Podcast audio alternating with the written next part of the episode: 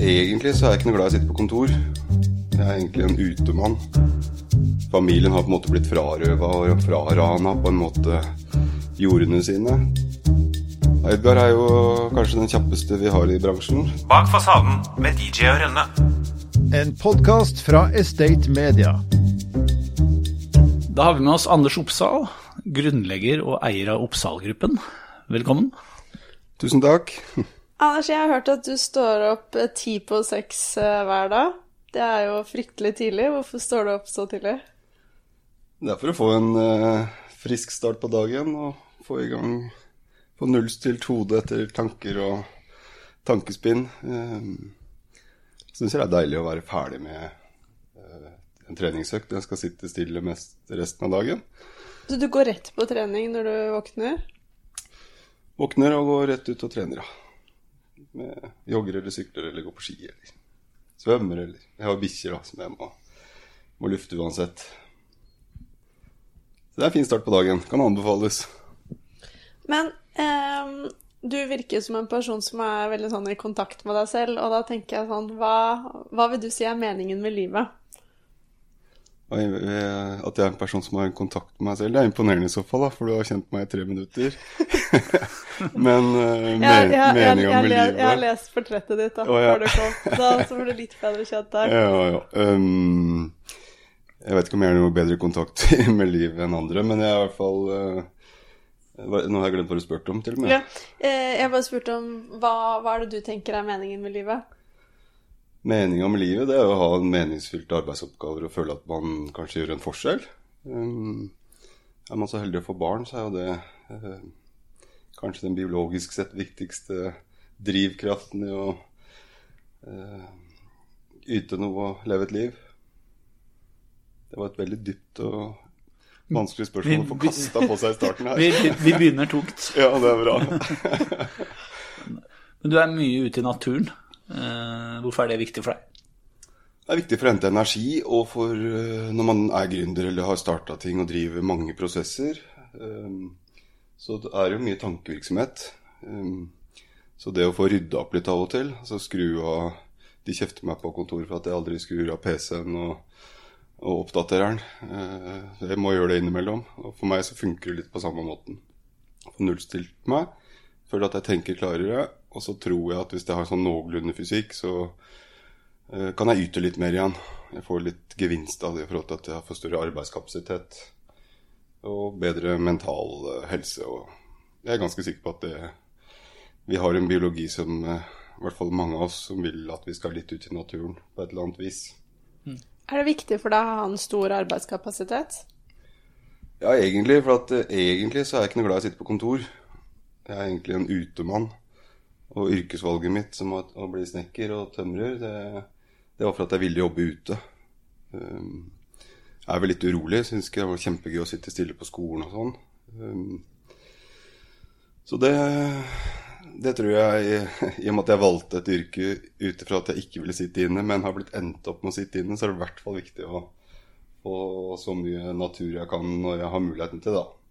Og det blir jo lange dager, ikke sant. Så, så man må prioritere tida si ganske hardt.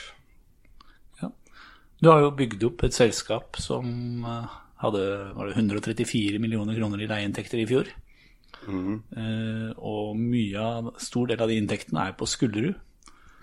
Hvorfor ble Skullerud så viktig for deg? Skullerud er jo der jeg er født og oppvokst. Jeg vokste opp, var så heldig å vokse opp på Skullerud gård, som er en gård i utkanten av Oslo, med T-bane. Mm. Siste holdeplass på, på T-banen som den, het, den gangen het Skullerud, eh, som nå heter Mortensrud. Um, så det var jo en slags Det var akkurat en sånn brytning mellom by og bygd, da. Kanskje seinere enn det folk før meg har opplevd, brytningen mellom by og bygd. Um, hele Oslo er jo transformert gradvis, ikke sant, fra et landbrukssamfunn med akergårdene og frem til å bli en ganske urban by. Eller veldig urban by etter hvert, som Bjørvik har kommet på plass, og andre fine ting i byen. Så um, det å få lov å vokse opp på Jeg er født eh, tidlig på 70-tallet, så jeg får vokse opp på 70-, 80- og 90-tallet uh, på en gård med gårdsmiljø og gårdsdrift så tett på byen. Det er uh, Det har vært en gave for meg, føler jeg. Eh, Det, og det området jeg vokste opp i, Skullerud, der opplevde jo jeg og familien min, faren min, at alle jordene ble tatt ifra gården. Eh, tvangsekspropriert eh, av Gerhardsen på 60-tallet. Eh, bortfesta og skapt industri og boliger på de områdene han hadde dyr på, kuer.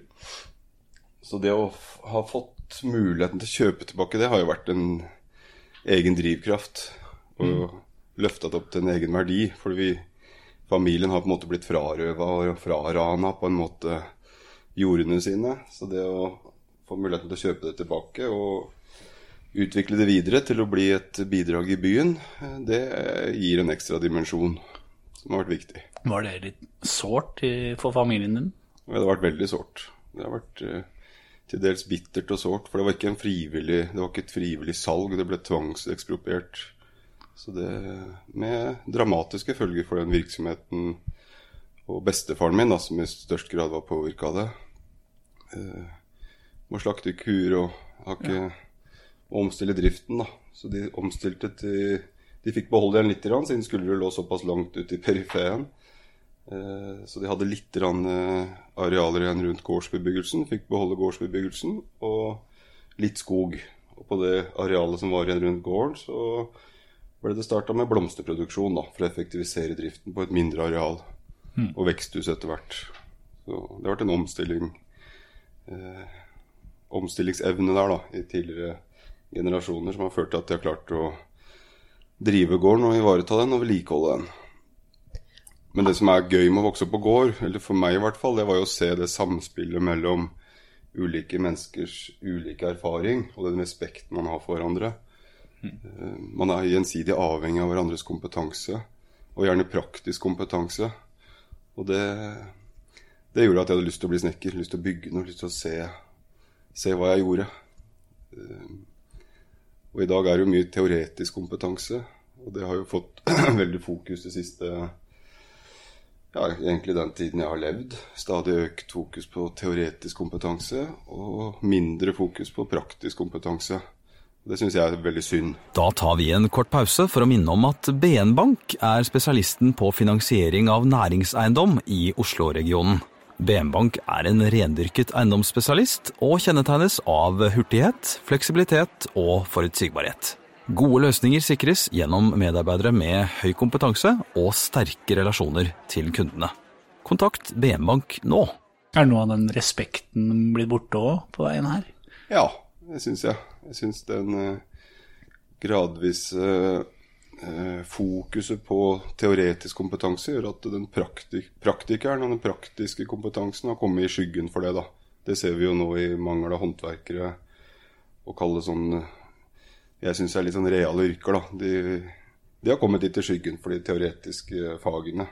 Men tror du det kommer til å snu? For jeg tenker jo sånn særlig nå når det er blitt et mer miljøfokus, da, og i hvert fall i byggebransjen nå, så er det jo når det er snakk om ombruk, så må man jo på en måte ta vare på materialene på en helt annen måte. Man kan jo ikke bare drive og rive ned lenger. Tror du liksom sånn noen av, eh, ja, noen av de nye tingene som kommer nå, tror du det liksom vil bidra til at håndverkeryrkene kanskje blomstrer litt opp igjen? Ja, kanskje. Vi får håpe det, da. For det, er, det begynner å bli kritisk. Har, eh, det er behov for både teoretisk og praktisk kompetanse. Og den balansegangen der, den er viktig å ivareta eh, på samme måte som all type biologi i verden er viktig å ivareta. Hvis du forrykker på noe, så får det ringvirkninger over i noe annet. Og det, vi lider litt av det nå. At vi har eh, snakka ned og ikke satt pris, nok pris på eh, folk som kan praktiske ting. Eh, Det har ført til at eh, veldig få unge mennesker ønsker seg inn den veien. Og så har vi snart ingen som kan bygge etter norske klimatiske forhold og etter norske tradisjoner. Eh, Så den stoltheten, yrkesstoltheten, den syns jeg gjør oss fattigere som samfunn. At den har blitt mindre da, med årene. Har du kjent på det selv som eh, Du er utdanna tømrer. Har du kjent på det selv eh, at, ja, at man på en måte kanskje til og med blir litt sett ned på? Ja, det har jeg opplevd. Har du noen eksempler? Nei, men det er jo på en måte Du er jo Du føler jo kanskje mer enn det det faktisk er, da. Men jeg syns jeg merka Jeg syns jeg merka at det var en endring fra den Når jeg valgte yrkesfag, så når jeg fortalte det at jeg skulle bli snekker, så føler jeg at jeg fikk litt sånn tommel opp, at det var, det var lurt. Det er, bra, det er en bra jobb. Um, til noen år etter at jeg hadde valgt yrket og fortalte at jeg var snekker, så da er vi på 90-tallet. Da var det litt mer sånn fokus på børs og finans og um, ikke så kult å være håndverker. Um, og da merker du jo det på folk du ikke kjenner. Hvis de spør hva du driver med, så merker du jo på antall oppfølgingsspørsmål du får, da. Hvis det raskt går videre til neste tema, så føler du jo som et ungt menneske at det kanskje ikke var så interessant det du hadde å fortelle, eller fortelle om yrket ditt. Har det endra seg nå, eller? Det er mange som snakker om at vi må snakke, fremsnakke og få håndverk opp igjen, men jeg tror kanskje egentlig ikke det har endra seg ennå. Men jeg tenker sånn, når folk snakker med deg, og du forteller hva du driver med nå, er, folk, er det flere opp, oppfølgingsspørsmål nå? Ja, det tror jeg. Jeg sitter jo her, f.eks. Eh, dere har hatt lyst til å snakke med meg eh, av en eller annen grunn. Og det, det er klart hvis eh, Vi måler jo mye penger etter hvert, ikke sant. Suksess og eh, hvor flink man er, blir målt i forhold til hvor mye penger man har klart å kare til seg og samle opp. Og, så da blir man jo på en måte interessant pga. det, da. Men kanskje ikke så mye pga. yrket sitt eller hva man gjør eller hva man står for. Så jeg får mer oppmerksomhet nå enn jeg gjorde som uh, Men vi har jo mange, vi har jo mange å velge mellom i, i bransjen, og du er jo en av de, eh, selv om vi ikke kjenner deg godt fra før av, så er du en av de som stikker deg ut med at du har en eh, annerledes bakgrunn, og det er noe som vi syns er kult. Ja, det er hyggelig å høre. Du var jo gartner, eller gartners sønn, og fra tidlig av så var du en kremmer, har jeg lest. Ja. Solgte diverse ting eh, oppe på Skullerud. Eh, Fortell om det.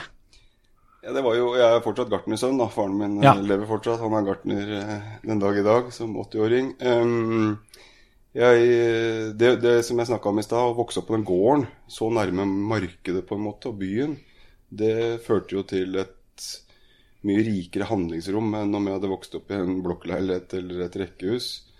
Ehm, Jeg kunne skape ting, bygge ting. Hadde, vi hadde syke, sykepleierboliger som nærmeste nabo, hvor det flytta inn unge sykepleiere som kom fra hele landet. Måtte kjøpe alt de trengte. De fikk tildelt en liten leilighet fra kommunen. Det var den gangen det var sånn i landet her. Fullt i leilighet med jobb. Um, og så måtte de kjøpe ting de trengte, og det var stort sett alt. Og så gikk det jo ikke veldig De hadde ikke vært mange ganger på dans nede i Oslo, på de sted, dansestedene som var da. Da var jeg bare en ung gutt, da. Og hadde ikke begynt på skolen kanskje ennå engang. Um, så fant de seg kjæreste, og så flytta de inn. Og da ble jo de møblene deres til overs, så de ble kasta i en container utenfor. Og der fløy jeg og plukka ting. Så kom det nye sykepleiere og skulle bebo den samme leiligheten, og med samme utfall et år etterpå at hun fikk seg en ny kjæreste. Så det, jeg kunne jo plukke møbler fra de som flytta ut, og selge de samme møblene til de som flytta inn. Så det var jo en sånn veldig tidlig start på en sånn liten gjenbruksutsalg, da. Og det var, de sykepleierne trengte omtrent de samme tingene.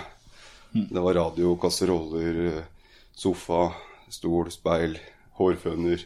Altså alle ting ble på en måte kasta når de fikk seg kjæreste som, og flytta sammen med dem.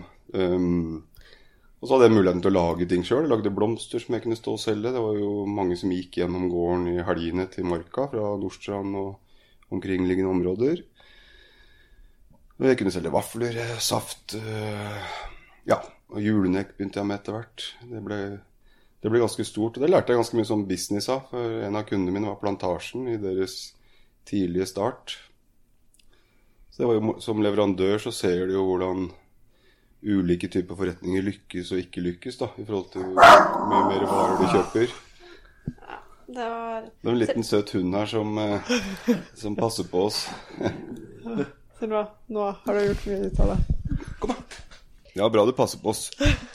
Hun har jo vært og kjefta da Bård Schumann var her også, så det er flere som har fått med seg det. Ja, men Men jeg- Bård Schumann han er flink til å kjefte sjøl òg, så da Da har de noe likhetstrekk. ja. Men det jeg tenker er at det høres ut som at du fra ung alder har eh, vært en person som har sett muligheter, men har det vært litt sånn at eh, Hva er det som har drevet deg? Det har vært å skape noe, tror jeg. Ja. Det altså, eh, gjøre noe litt bedre. For jeg funksjon Jeg er jo praktisk anlagt. Jeg, jo, jeg syns ikke skole var noe gøy, og det var dels fordi at jeg ikke er så flink til å lese og skrive, og dels fordi at jeg ikke liker å sitte stille. Begge de tingene er viktige faktorer i skolen, som vi vet. Så skole var liksom ikke noe sted for meg, så det var sånn pine seg litt igjennom. Satt og så ut av vinduet og lengta litt ut, på samme måte som Selma her står og ser ut og lengter litt ut. Så er det litt sånn som jeg var og er skrudd sammen også. Um, så det å gjøre ting med kroppen og se, se liksom praktiske ting endre seg, da. Bygge ting særlig, det, det har alltid drevet meg. Og så har det jo selvfølgelig eh, vært gøy å skape verdier òg. Skal du først drive firma, så må du jo ta ansvar for å drive lønnsomt. Og når du kommer fra en gårdskultur, så er jo så er det jo veldig sterkt kulturelt nedarva at man skal etterlate seg noe som er bedre enn det man overtok. Nå overtok ikke jeg noen gård, men eh, det ligger på en måte litt i blodet at man skal anstrenge seg og jobbe hardt og gjøre det så bra som man kan da, i den tilmålte tiden man har.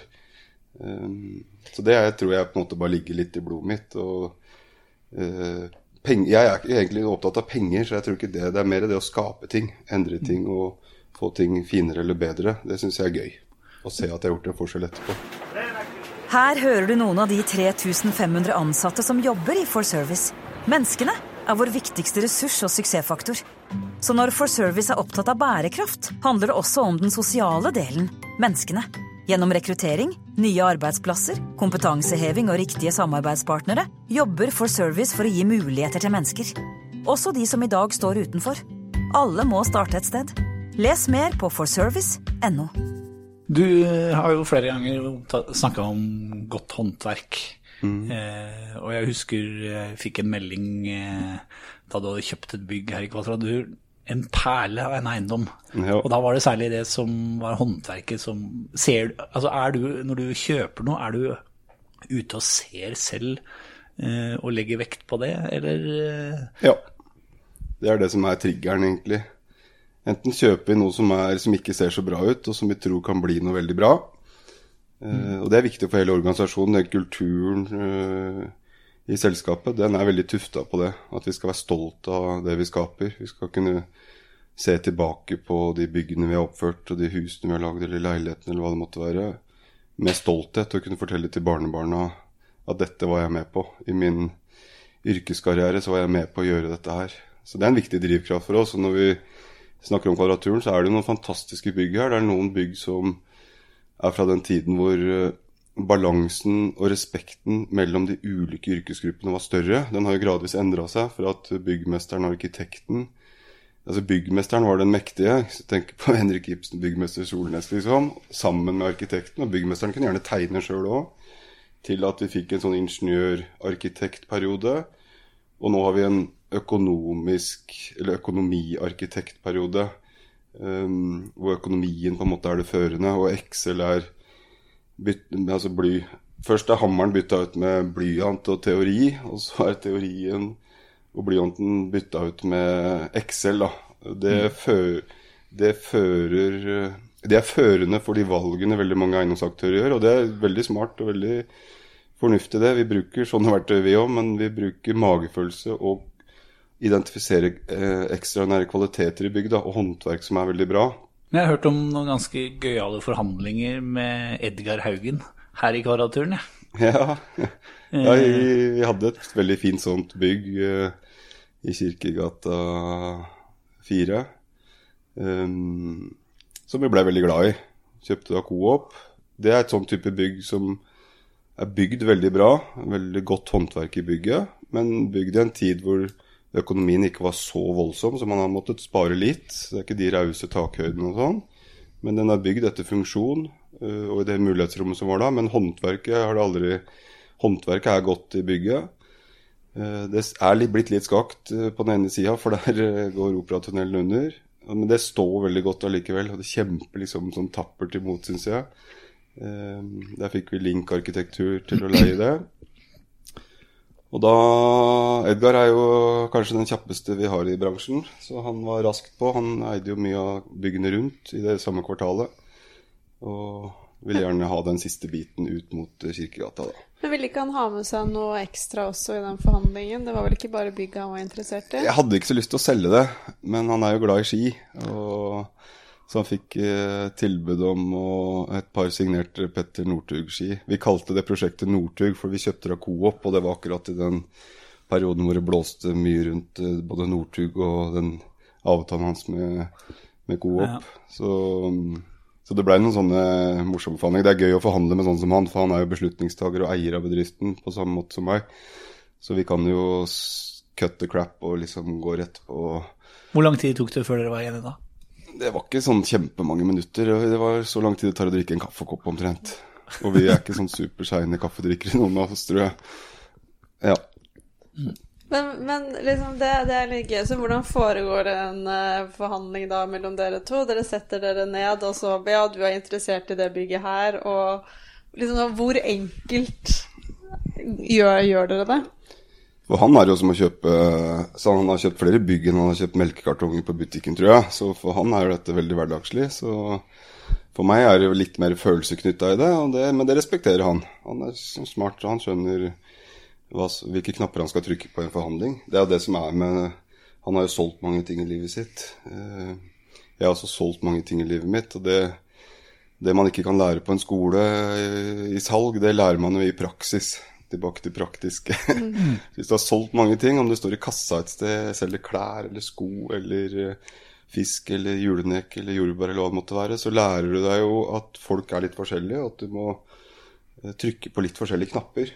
Og han har jo hele det registeret eh, på en briljant måte. Um, og jeg har sånn delvis, kanskje ikke briljant, men jeg har en del av det registeret. Altså det, er, det er liksom ikke noe vits.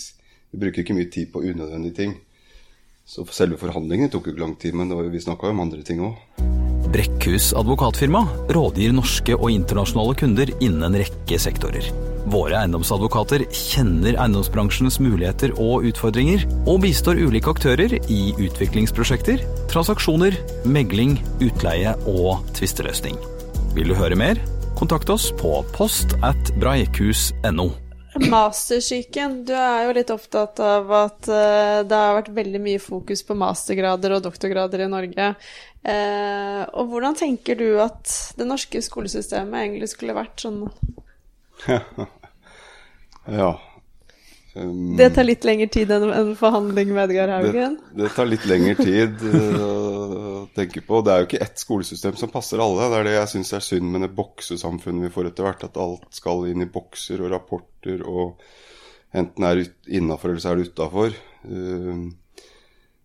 Jo mer sånn teoretisk samfunn vi får, jo mer sånn boksete blir det, da. Og firkanter. Um, så det er ikke én resept på å lære ting, mener jeg, da. Er, skolesystemet er etter min legemanns i aller høyeste grad Jeg burde egentlig ikke fått sånne spørsmål engang, men når jeg først spør, så er, er det lagd etter uh, uh, jenters uh, måte å lære på.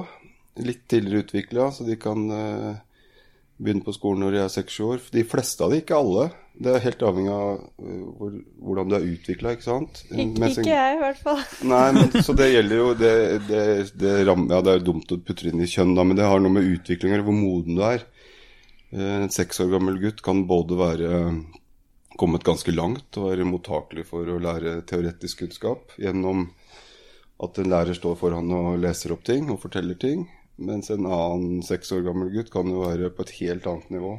Så det å trakte folk inn til liksom å skulle passe som noen maler, det syns jeg er veldig dumt. Og det er knytta til når du er født på året. Det er knytta til sånne praktiske ting da, for å få et eh, system til å fungere. Ikke mot enkeltindividet, men i, i et større system, da.